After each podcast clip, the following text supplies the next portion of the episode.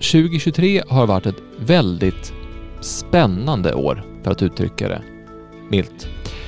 Det är många gånger som jag har sett i flöden på sociala medier eller, eller kontakt med människor om att folk har haft det tufft och utmanande och det har varit jobbigt. Det har varit krig och det har varit kriser och inflation och det har varit, det har varit bökigt med det här året. Och hur håller man sig på banan när världen är orolig? Hur väljer man att se ljuset när det är mörkt? Och hur skapar man verklig förändring? Vi satte oss faktiskt ner i under hösten och tittade på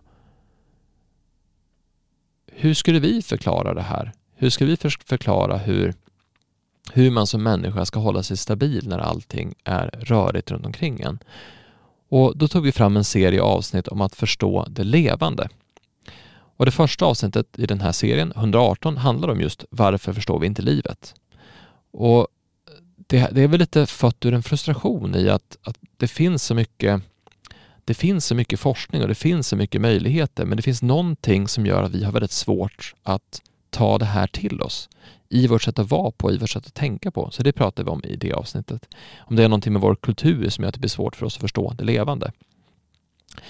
I avsnitt 19 så pratar vi mer om det personliga planet eller för en person. Och det heter Det är inte dig det är fel på, du har bara lärt dig att det är det.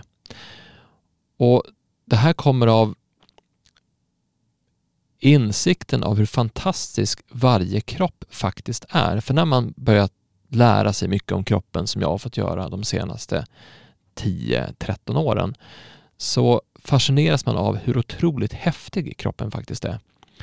Och när kroppen är så här häftig och när varje, alltså i varje människa är det otroligt fascinerande saker som händer hela tiden. Det är en e- extremt vacker sak, kroppen. Och om han är så stor inuti och så fantastisk inuti, varför går man då runt och tror att det är fel på en? Varför har vi en kultur som säger att det hela tiden är fel på dig? Varför säger reklamen att du måste bli bättre eller att du måste göra det här? Att du måste, varför måste du göra en massa saker för att, för att duga och räcka till? Och det pratar vi om i avsnitt 119. Var, varför ser det ut så här? Var kommer det här ifrån? Hur påverkar det oss av att vi tror att det är någonting som inte är som det ska med, hur, med oss, oss själva? I avsnitt 120 pratar vi om vad det forskas på och varför. Alltså vad, vad händer när vi, när vi ser saker nu i fasciaforskning till exempel som inte stämmer överens, stämmer överens med vad man tidigare trott på. Och vad, vad tror man på? Alltså vad, vad, hur ser hur ser forskning ut? Vem bestämmer vad det forskas på? Och hur bestäms det här? När nu folk fick Nobelpriset, vilka är det som bestämmer vad som ska ge Nobelpris? Och då pratar vi mycket om det, alltså hur alla de komplexa saker som ligger bakom forskningsinstitutioner, de mänskliga beteenden som ligger bakom institutioner. Och det avsnittet är ganska bra för att få en bild av hur verkligheten faktiskt ser ut. För vi, vi är ju lite naiva när det kommer till hur vi ser hur saker hänger ihop ibland. Och inte för att säga att det finns en det här handlar inte om att det finns en, en ond konspiration någonstans utan bara att vissa saker blir principiellt på ett speciellt sätt i vissa sammanhang. Alltså finns det till exempel en drivkraft som heter tillväxt och, och eh, att, att företag ska göra resultat, då kommer den drivkraften vara stark. Och den kommer påverka alla som jobbar för den organisationen. Den kommer påverka besluten som tas för att man följer den principen som är den principen. Så hur påverkar det här forskning och hur påverkar det här människor som organiserar sig? Det pratar vi om i avsnitt 121. Och i avsnitt 100, 120 och i avsnitt 121 då pratar vi om vad det är som får oss att göra det vi gör. Och det här kan vara ett av mina absoluta favoritavsnitt som vi någonsin har gjort.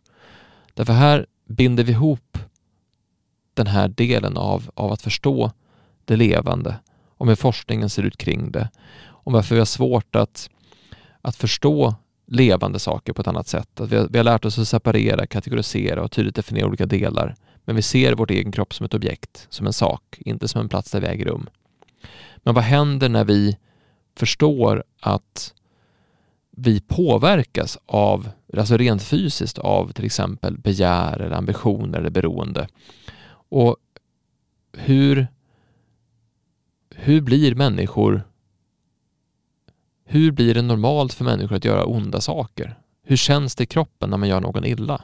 Så det handlar väldigt mycket om, om utmaningen att stå stadigt när saker är röriga runt omkring. Om att välja att göra någonting gott istället för att göra någonting illa.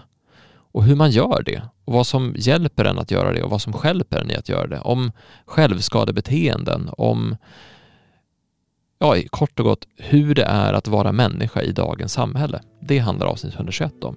Så den här serien eh, betyder väldigt mycket för mig och eh, jag kan varmt rekommendera att lyssna på den i ett, ett, ett eh, vad säger man, en följd.